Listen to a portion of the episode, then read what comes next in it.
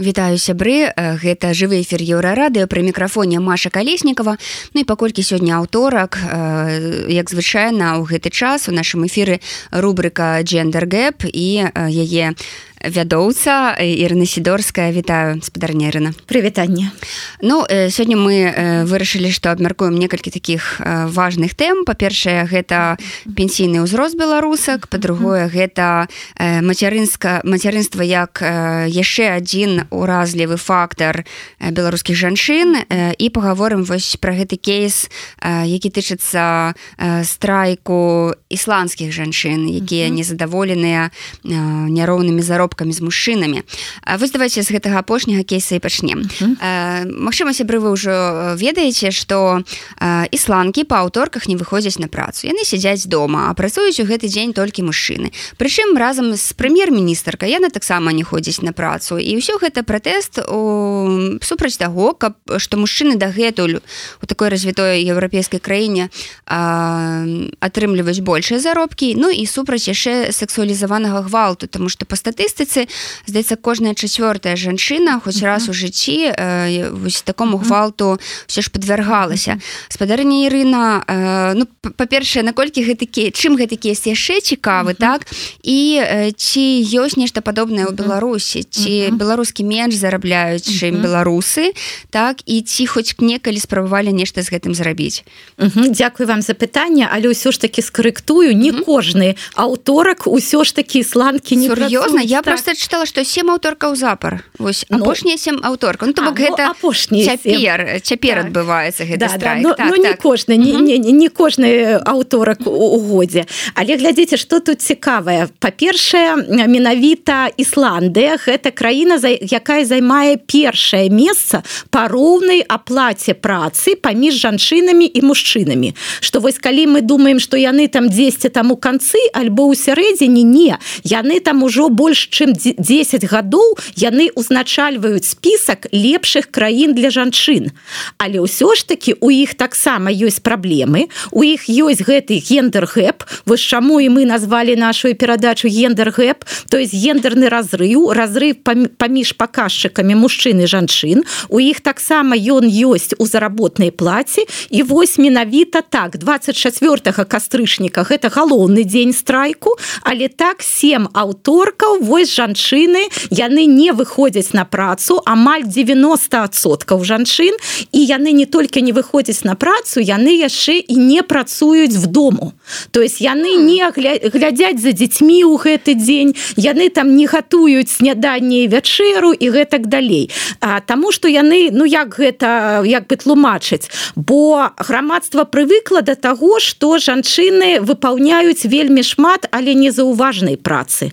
А вось вось калі мы хоць один дзень у тыдню не будем яе яе рабіць то вы адразу заўважыце колькі на самой справе робяць жанчыны. Ну вот нават у дому вось як часто напрыклад мы чуем а яна не ходзіць да працы яна сядзіць дома у яе маленькі там маленькое дзіця. І вось я як бы так і бачу гэтую э, жанчыну якая там сядзіць на канапе там пераключае канал там маленькая дзіця да. там нешта можа і не прысядзець за ўвесь дзень дзень. І можа яна працуе шмат цяжэй чым вось напрыклад яе муж які гэты дзень там 8 альбо там нават болей гадзін працуе. Таму так вось хоць Ісландыя займае першае месца але яны разумеюць што ў іх ёсць яшчэ гэты гендерны разрыў і яны ну абараняюць свае правы паказваюць грамадству што яшчэ не ўсё добра. У Беларусі канешне таксама ёсць гэты гендерны разрыў. І а, як нам гаворыць зараз нацыянальны статыстычны камітэт ён 28соткаў Гэта значыць што вось за тую самую працу калі б вось мы з вами былі бы мужчынамі мы б атрымлівалі на 28соткаў болей. А калі вось мы паглядзім гэтыя цифры у значит на працягу года вось зараз апошні дзень кастрычніка ну значыць зараз ужо жанчыны працуюць як бы без заработнай платы. Ну я маю на увазе что вот гэтые 28соткаў і ўжо яўна яўна засталося менш чым 28соткаў до конца года. І гэта значыць что зараз усе беларускія жанчыны яны як бы працуюць бясплатна. Бо калі б яны былі мужчынамі яны б атрымлівалі вось у сярэднім на 28соткаў болей за тую ж самую працу. І что яшчэ важно сказаць что вось гэтая лічба яна не скарачаецца. Яна там можа была 21 Мабыць там 22 сотки але меней яна ніколі не была але калі вось мы успомнім я вось думаю з чым параўнаць помніце там месяц альбо там можа полтора месяца назад там качанова прызывала беларусак поехаць ва Узбекистан і там вось, там вось что шмат там свабодных мужчын і значыць Узбекистан там шмат дзяцей нараджаецца так вось у Узбекистане гэты гендерны разрыв 39соткаў Ну гэта явно не прыклад для вось пераймання і не трэба беларускім жанчынам туды ехаць ну глядзіце яны там на амаль на 40соткаў будут атрымліваць менш. А чаму увогуле гэты разрыў у заработных платах узнік? Э, вось, uh -huh. і напрыклад чаму ў беларусі ён такі э, устойлівы так чаму ніхто з гэтых жанчын якія пры ўладзе не задумваюцца про тое что это ж прынцыпе такі добры крок для беларусак і можа тады яны зарабіўшы крыху больш грошай пачнуць думаць ці не наразіць нам яшчэ аднаго беларуса?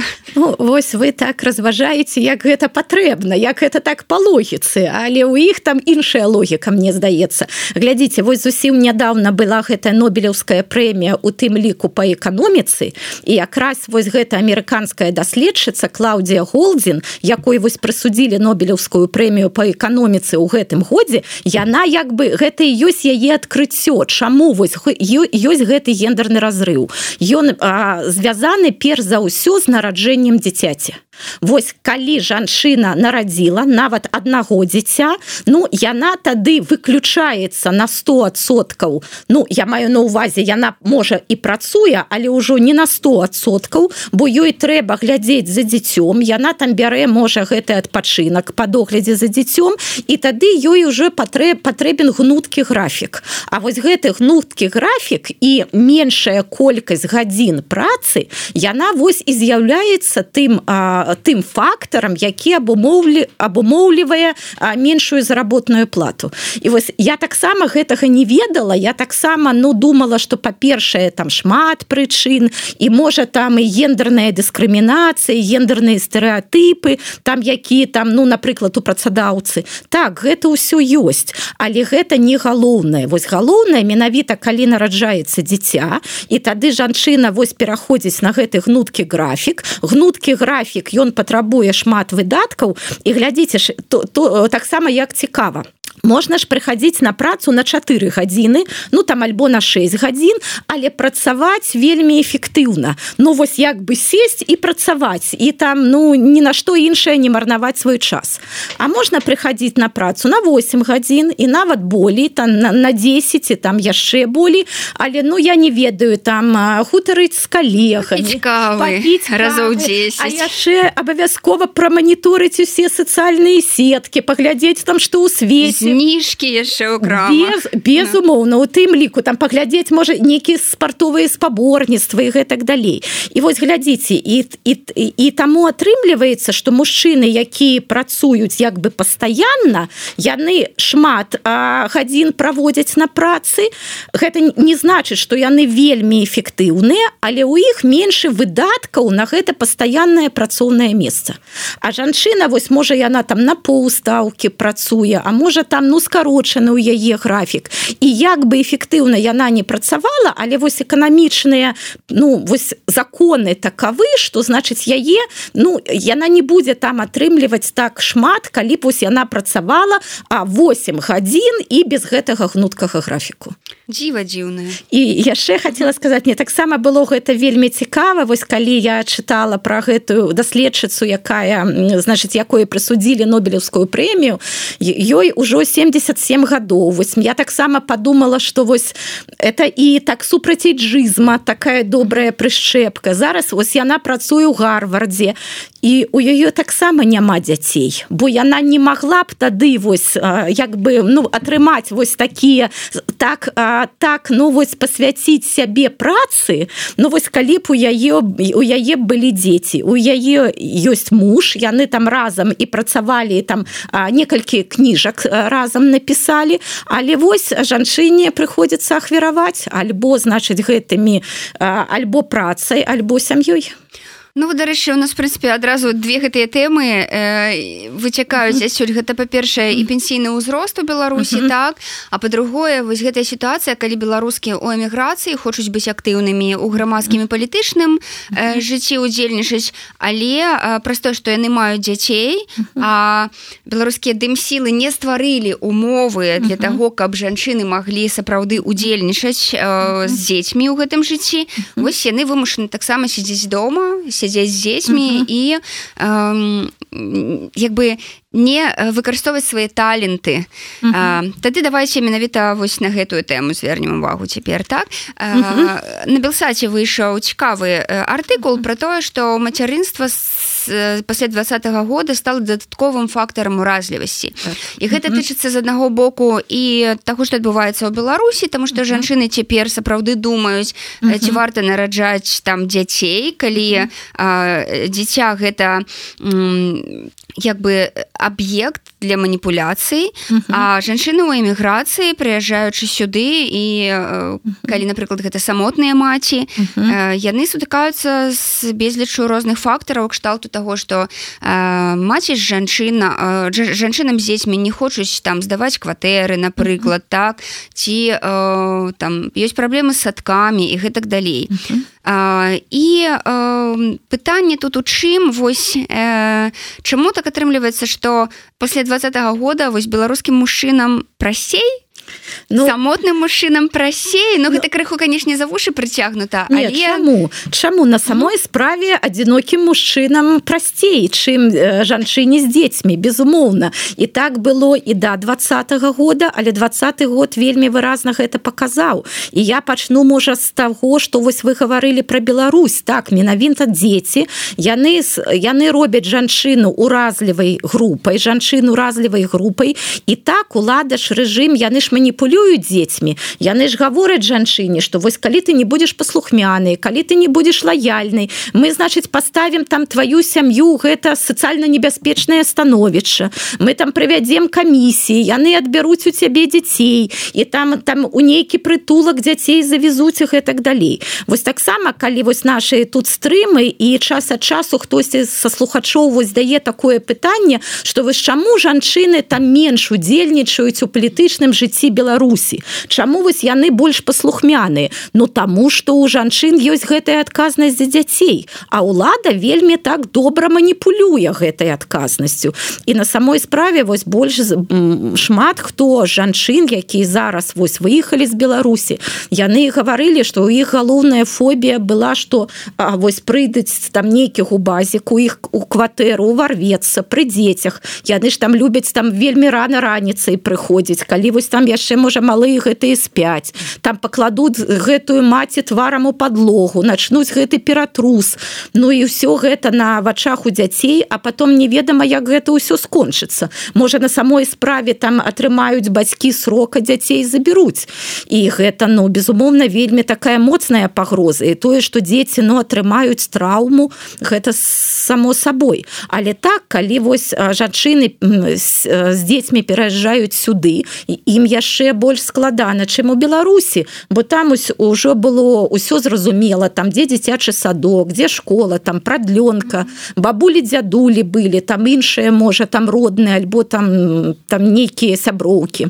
А тут вось яны на самой справе яны як бы ну павінны павінны альбо упісвацца шукаць магчымасці впісаць дзяцей у гэтую сістэму там школы дзіцячых садкоў. І я ведаю что калі са школай ну як бы гэта абавязкова то з дзіцячымі садкамі гэта на самой справе складана і вось гэтых бясплатных альбо дзіцячых садкоў дзе не трэба шмат плаціць гэта праблема і так вось у верасні быў кангрэс даследчыкаў беларусі у гданьскі у гданьску і вось я на ім была і гэта было вельмі с аднаго боку цікавае і карыснае мерапрыемства але мяне таксама ўразіла ну что па-першае гэты кангрэс быў у пятніцу суботу і нядзелю і я адразу подумала что той хто яго як бы вось планаваў но гэты чалавек не думаў про маладых жанчын у якіх ёсць маленькія дзеці і якіх ну ні, ні з кем можна вось заставіць у суботу нядзелю. Бо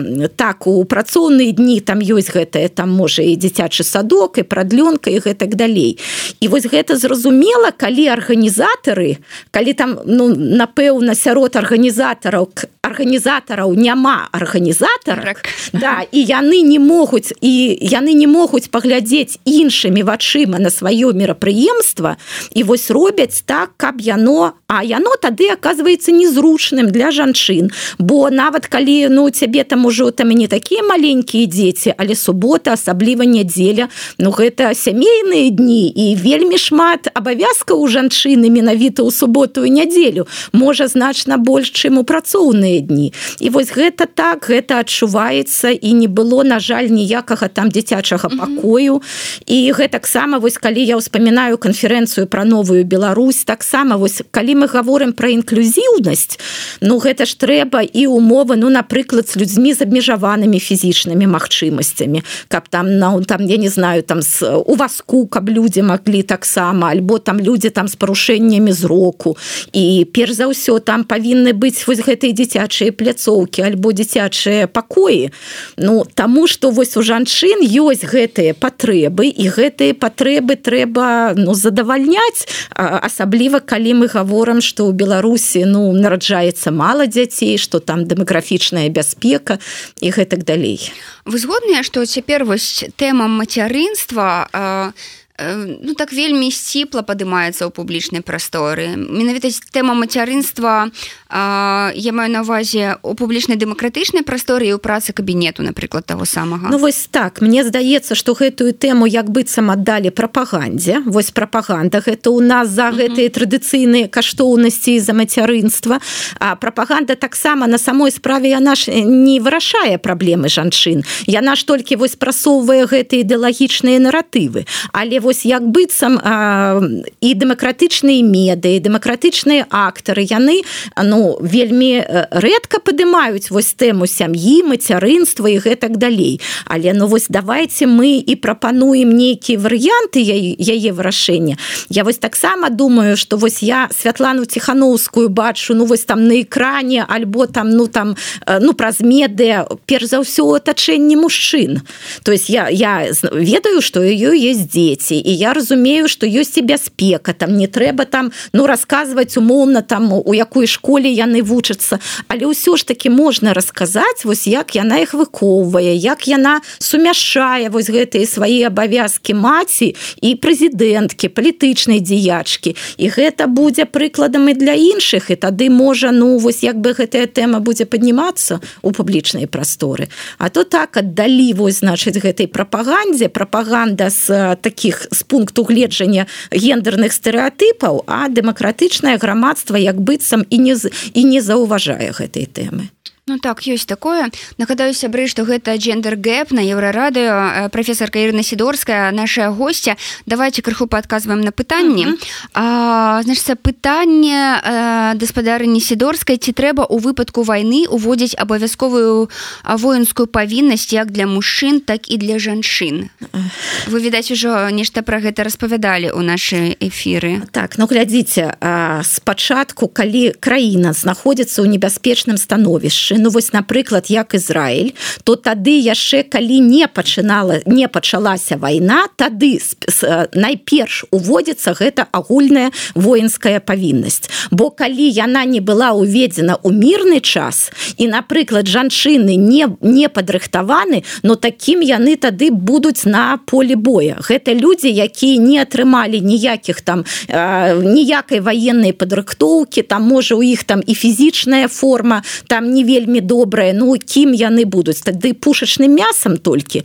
Таму давайте спачатку. Спачатку можа быць а, вось гэтая прафесійная армія у якую таксама будуць браць жанчын бо прафесійная армія гэта вельмі добрая ну такі і сацыяльны ліфт і месца працы. Вось асабліва можа для там жанчын з маленькіх гарадкоў з вёсак і гэтак далей. Можа там о, з мінска ну напрыклад не ўсе кінуцца ў прафесійную армію але вось там дзе як бы дефіцыт працоўных месцаў вось з тых мясцін ну абавязкова давайте вось можа зробім прафесійную армію. Так э, так э, між іншым было і ва ўкраіне мне здаецца там альбо ў 17 альбо 18 годзе. Вось значна расшырылись магчымасці для жанчын каб яны маглі служыць у войску. І вось ну тады калі не дай бог штосьці здарыцца ну жанчыны таксама будуць падрыхтаваны яшчэ пытанне ад гэтага ж аўтара. Ці трэба прызнаць англійскую мову дыскрымінацыйнай за тое што там няма жаночага роду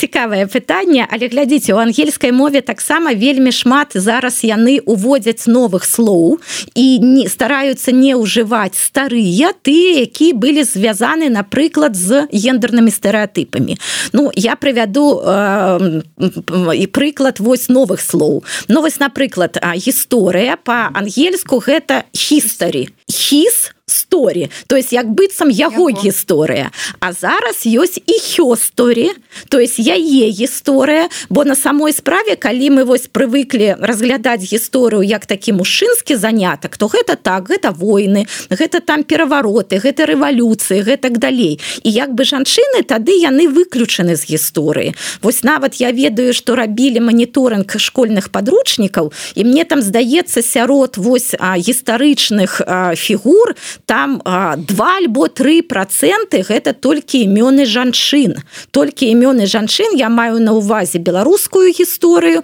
і ўсё что звязана ну вось там і ў рэчы паспалітай і у вКл і у расійскай імперыі. Так нават у расійскай імперыі там і імператрыцы былі гэтак далей але толькі два-тры адсоткі імён у падручніках гісторыі гэта жаночыя імёны. Ну і тады вучні вучаніцы яны як бы так думаюць ну гісторыя гэта не для жанчын гэта вось гісторыю пішуць мужчыны і таму вось нават і ў ангельскай мове узнікаюць новыя словы фемінітывы і гэта ёсць. Ну гэта дарэчы вось тычыцца мне падаецца крыху і беларускай літаратуры. Памятаем што некалі Светлана курс стала першай Ева вежнавец так і яе роман па што ідзеш воча гэта была першая кніга ад жанчыны якую ўзнагародзілі на прэміі гідроіса так, так. і вось цяпер я так разумею на прадмове таксама узнагароды атрымалі две жанчыны што не вельмі характарыстычна так. для беларускай вось, літаратуры. да, чаму заўсёды сачу за гэтым не таму каб я вось хачу каб што было 50 на 50 гэта і немагчыма. Але так весь у нас же мастацтва яно ж успрымаецца таксама праз прызму стэеатыпаў что сапраўдны творца гэта толькі мужчына а жанчына ну гэта ў лепшым выпадку гэта муза якая вот натхняе гэтага мужчыну. Але сама жанчына яна не можа стварыць там нічога такого не можа так добра граць шапена як мужчына. Ну напрыклад так. І вось менавіта ў сферы мастацтва у сферы літаратуры Ну вось трэба прыкладаць шмат высілкаў каб вось ну даказваць что тое что пишутць что ствараюць жанчыны гэта іх позірк на жыццё і ён мае і ён такі ж добры такі ж сапраўдны. Бо я успамінаю нават калі вы святлане алексеевич далі нобелевскую прэмію прэмію таксама ж было шмат крытыкі менавіта што вось у беларусі ёсць іншыя пісьменнікі гэта толькі мужчынскія імёны пералічваліся. Вось ім трэба было даць. А вось святлана алексеевич ей ёй не патрэбна было.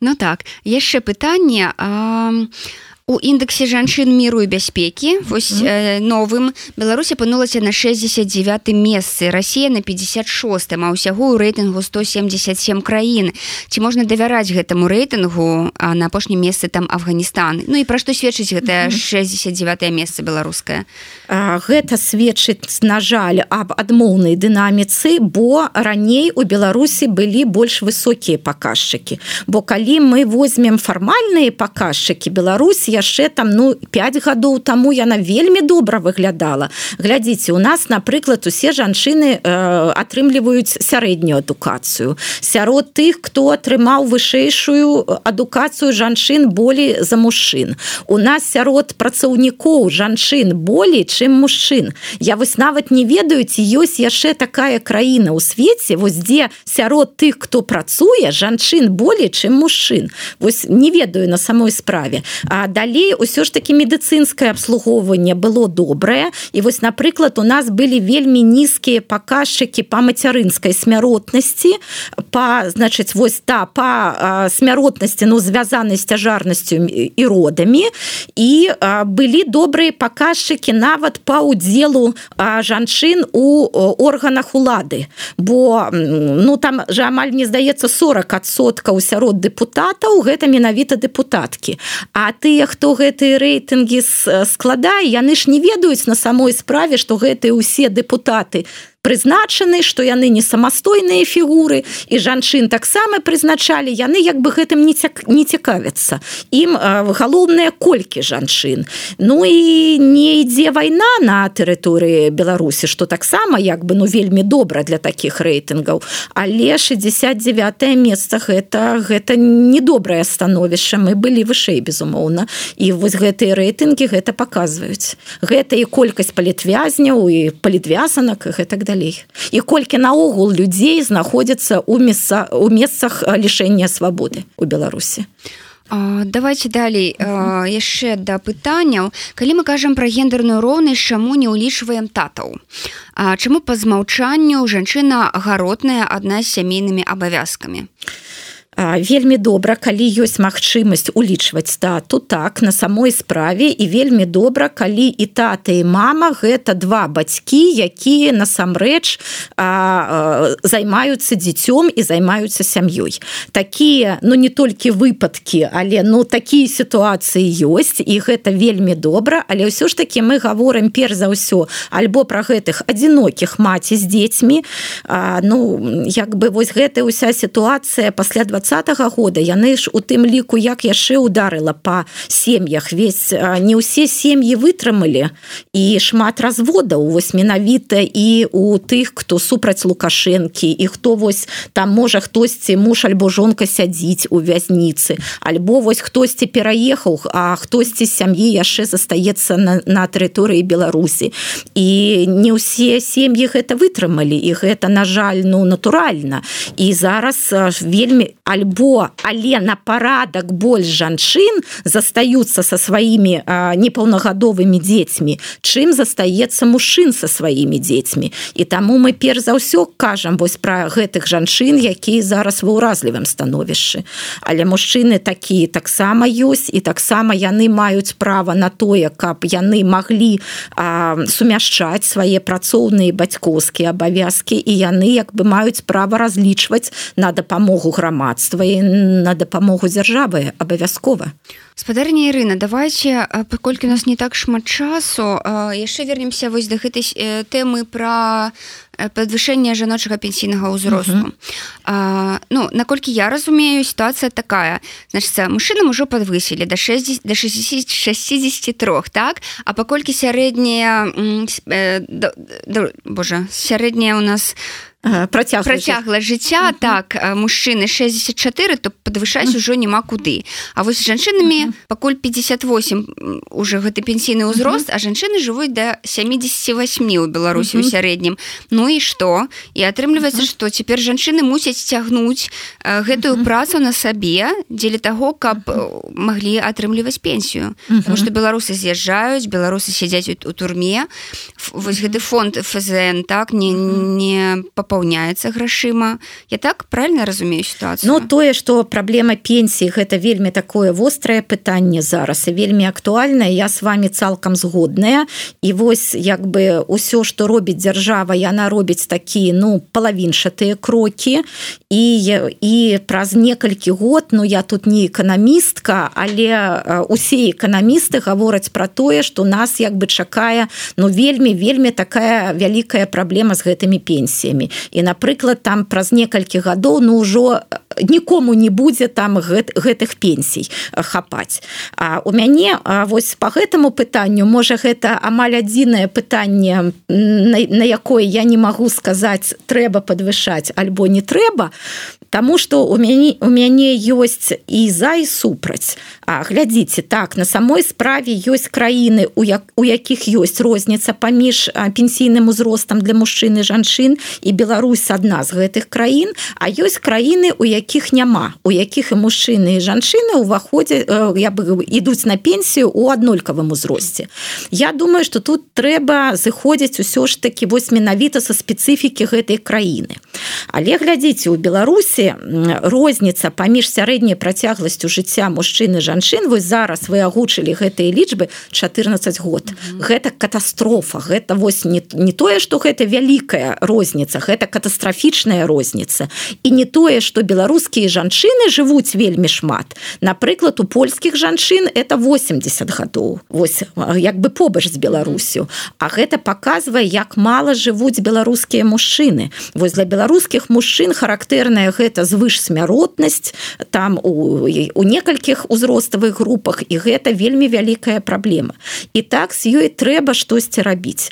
Але на самой справе глядзіце вось як бы што, чаму вось я напрыклад не я а якія фактары за тое каб подвысіць пенсійны ўзрост для жанчын глядзіце як бы жанчыне вось ну напрыклад 50 год. І гэта что значыць что праз 6 год яна ўжо як бы можа пайсці на пенсію. Але ну гэта самы расцвет жаночага жыцця. І у тым ліку самы расцвет жаночай кар'еры. Бо жанчыны робяць кар'еру пазней вось менавіта праз нараджэння дзяцей. Бо жанчыны робяць перапынак у сваім працоўным жыцці калі вось яны нараджаюць і выхоўваюць дзяцей. І вось калі там мужчына можа ў 30 30 год ён там ужо вялікі начальнік то жанчыны яны там больш вось пасля 40 гадоў у іх так кар'ера вельмі подвышаецца і на самой справе жанчына 50 год яна і фізічна моцная і ментальна моцная і она вось толькі-толькі дасягнула гэтага кар'ернага ўздыму А что працадаўца думае? Ну вось праз 5 год яна ўжо пойдзе на пенсію Таму яе уже там не трэба ні, ні на якія курсы адпраўляць у яе уже не трэба укладвацца яна уже ніякай кар'еры не зробіць вось, вось хай яна сядзіць дзе яна сядзіць а мы там будем больш маладзейшых працоўваць і гэта ну для жанчын якія займаюцца там інтэлектуальнай працай но ну, безумоўна не вельмі добра. І яшчэ ж а як пражыць на гэтую пенсію? Так яна як бы ідзе у 50 можа ісці у 56 гадоў але калі у ну гэтая жанчына у яе больш-менш добрае здароўе яна жыве ў горадзе яна мае магчымасць працаваць. Так яна і будзе далей працаваць бо яна на гэтую пенсію не пражыве. Вось таксама часто слухачы гавораць вось тут гендерная дыскрымінацыя что мужчыны ідуць на пенсію пазней а жанчыны раней. Але давайте яшчэ давядзем. У мужчын пенсія больш вялікая чым у жанчын. Потому что заробак быў больш заробак больш і працавалі яны большую колькасць гадоў бо жанчын жанчын былі вось гэтыя перапынкі. І тады а, пенсія мужчыны яна амаль заўсёды больш чым пенсія жанчыны. І тады так жанчыны жывуць на пенсіі даўжэй але бядней а мужчыны яны не так шмат але у іх ну як бы больш такая добрая пенсія. Але калі мы вось напрыклад возьмем жанчын якія жывуць у сельскі у сельскай мясцовасці Ну я думаю і заняты вот сельскагаспадарчай працай. Ну канешне яны гэтую аб гэтай пенсіі мараць mm -hmm. бо ім на самой справе вельмі цяжка працаваць і там не створана умоў. А яшчэ ж вось мы таксама пра дзяцей гаварылі а ўсе гэтыя унукі і унучки А, калі жанчына ідзе на пенсію так можа яна ж яшчэ раз яна на канапе ляжаць не будзе. Яна можа вось будзе займацца унукамі дапамагаць гэтым вось сваім значит дарослым дзецям бо там садкоў не хапае бо там дзеці хварэюць і гэтак яшчэ штосьці. Таму вось як бы тут вельмі шмат фактараў якіх усе трэба мець на увазе і пенсійная сістэма гэта тое что нам гэта вельмі вострае пытанне. І вось тут павінны і адмыслоў імкнуцца сказаць сваё слово але павінны быць грамадскія дыскусіі. Вось як як бы улічыць думкі розных жанчын. Бо яшчэ раз у усіх жанчын ёсць нейкія аднолькавыя інтарэсы але у розных груп жанчын вось напрыклад у тых хто ў сельскай мясцовасці там у жанчын 65 плюс у іх могуць быць свае інтарэсы якія незразумелыя іншым жанчынам. Таму гэта вось так складана яшчэ пытанне Ну так тут ёсць у нас каментар на гэтую тэму што пенсійную рэформу з павышэння ўзросту не пачынаюць а пачынаюць з правільных і справядлівых рашэнняў з выбара працаваць ці не. Так канешне канешне і ўсё ж таки я хочу сказаць что напрыклад цяжарнасці роды гэта таксама уклад жанчын у дзяржаву у грамадства і гэта таксама трэба ўлічваць канешне а цяпер же ж это не ўлічваюць здаецца ну там у гэтых працоўных кніжках у працоўны у агульны стаж гэта ідзе але ў працоўных мне здаецца не не ідзе. І таму вось я вось гэта супраць фактор супраць таго каб мужчыны і жанчыны як бы у, у аднолькавым узросце ішлі. Ну выглядае ўсё ж таки на тое что беларускі прынамсі гарадскія беларускі ўсё ж будуць выбіраць працаваць далей. Канешне канешне так яшчэ раз вось гэтай нобелевскай лаўрядкі про якую мы гаворым ёй 77 гадоў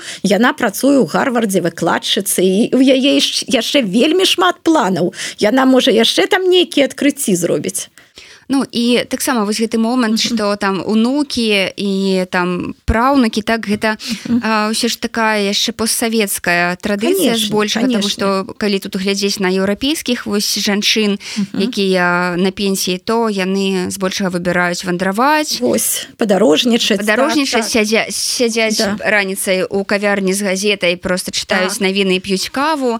І вось канешне вельмі крыўдна за беларускіх жанчын в гэтым плане. валанцёрствам займаюцца гэта таксама вось для пажылых людзей займацца валанцёрствам на захадзе. Гэта вось вельмі як бы прыязна і гэта добра і вось іх бачыш і ў музеях там. Вось там не на некалькі гадзін там пару разоў у тыдзень і яны вельмі як бы карысную справу робяць Ну івогуле вось мне чамусьці хочется распавесці одну такую такое ўражанне. Маёй сяброўкі свякроў яна немка яна захварэла на рак ёй уже было Мачыма там 85 гадоў прыкладна. І яна апошнія дні жыла у у лякарні так? І наколькі было маё здзіўленне і просто такое нейкае захапленне гэтай сітуацыі калі вось я бачыла яе фото відэа перад тым як яна за пару дзён да смерці яе яна сядзела значыцца ўжо ў такім васку яе вазілі але пры гэтым яе быў манікюр. То бок э, нават ужо разумеючы што чалавек вось апошнія дні свае дажывае але як бы медыцына гэта ж частка медыцыны так гэтай сістэмы там робіць усё каб яна сябе пры гэтым адчувала чалавекам а не вось некім хто там праз да, павага да чалавека да асобы. І вось так і вось яшчэ напрыклад калі вось мужчыны ж вельмі часто бываюць сыходзяць на пенсію і а, і тут жа паміраюць А чаму? А, калі яны працавалі яны адчувалі што яны патрэбны. Вось у сваёй арганізацыі там яны былі паважанымі людзьмі там яны вось адчувалі запатрабаванымі сябе. А вось яны сыходзяць яны не прывыклі ну напрыклад дапамагаць сваёй сям'і там не прывыклі глядзець за унукамі там у іх няма там вось гэтага валантэрства. І яны так тады за асяродства тады яны сосредоточваюцца на сваіх вось гэтых хваробах і так не бачыць сэнса у далейшым жыцці. Вось вельмі важна вось калі калі калі ўсё ж таки пенсійны ўзрост будзе подвышаны а хутчэй за ўсё ён будзе подвышаны давайте покажем іншыя перспектывы перед людзьмі. Бо так ну на же А гэта пенсіянер альбо пенсіянерка Ну что з іх браць? Гэта ж ужо зусім такі састарэлыя людзі яны нічога не разумеюць яны там іх не нікуды не трэба запрашаць уключаць у гэтак далей. Вось нам тут усім трэба перастроіцца Ну так я думаю что гэта тычыцца і нават незалежных медыа Таму что я ведаю uh -huh. пра кейсы калі там чалавек якому напрыклад ужо гадоў 50 усяго толькі 50 шукае сабе працу а так. все ж аддаюць перавагу больш там маладым журналістам конечно іджызм это такая ж праблема і з ёй таксама трэба працаваць А калі вы ўзгадалі меды так колькі некалькі загалоўкаў напрыклад там пенсіянерка урезалася ў сцяну дома ну на машыне Ну гэта ўжо вось прыгавор что мало таго что жанчына так яшчэ і пенсіянерка так трэба яе забраць правы забраць аўтамабіль вось яна там урезалася ў сцяну дома. А там он напрыклад будзе ў артыкулу что там яна страціла прытомнасць напрыклад. А, так і альбо там напрыклад что-небудзь там пенсіянерку абрабавалі нібыта не пенсіянерку аб абрабаваць не могуць Ну так так ці мужчыну абрабаваць не могуць да, такая вось яна ж пенсіянерка таму яе абрабавалі вось так на жаль. Тут яшчэ каменцік ёсць у нас у беларусі так такое ее ведаў одну жанчыну сталага ўзросту дык нават на пахаванне а пафарбавалі вусны з чырвонай пама памадай Вось так што бачыце аказваецца розныя кейсы бываюць і ў нас там Але трэба вось гэтую павагу да асобы чалавека і неважна колькі лет гэтай асобе і там страціла там яна частку там здароўя альбо нет. Ну так трэба вось каб мы не, не разглядалі толькі там людзей пэўнага ўзросту пэўнага пэўнага сацыяльнага статусу як таких паўнацэнных а ўсе іншыя яны як бы абойдуцца.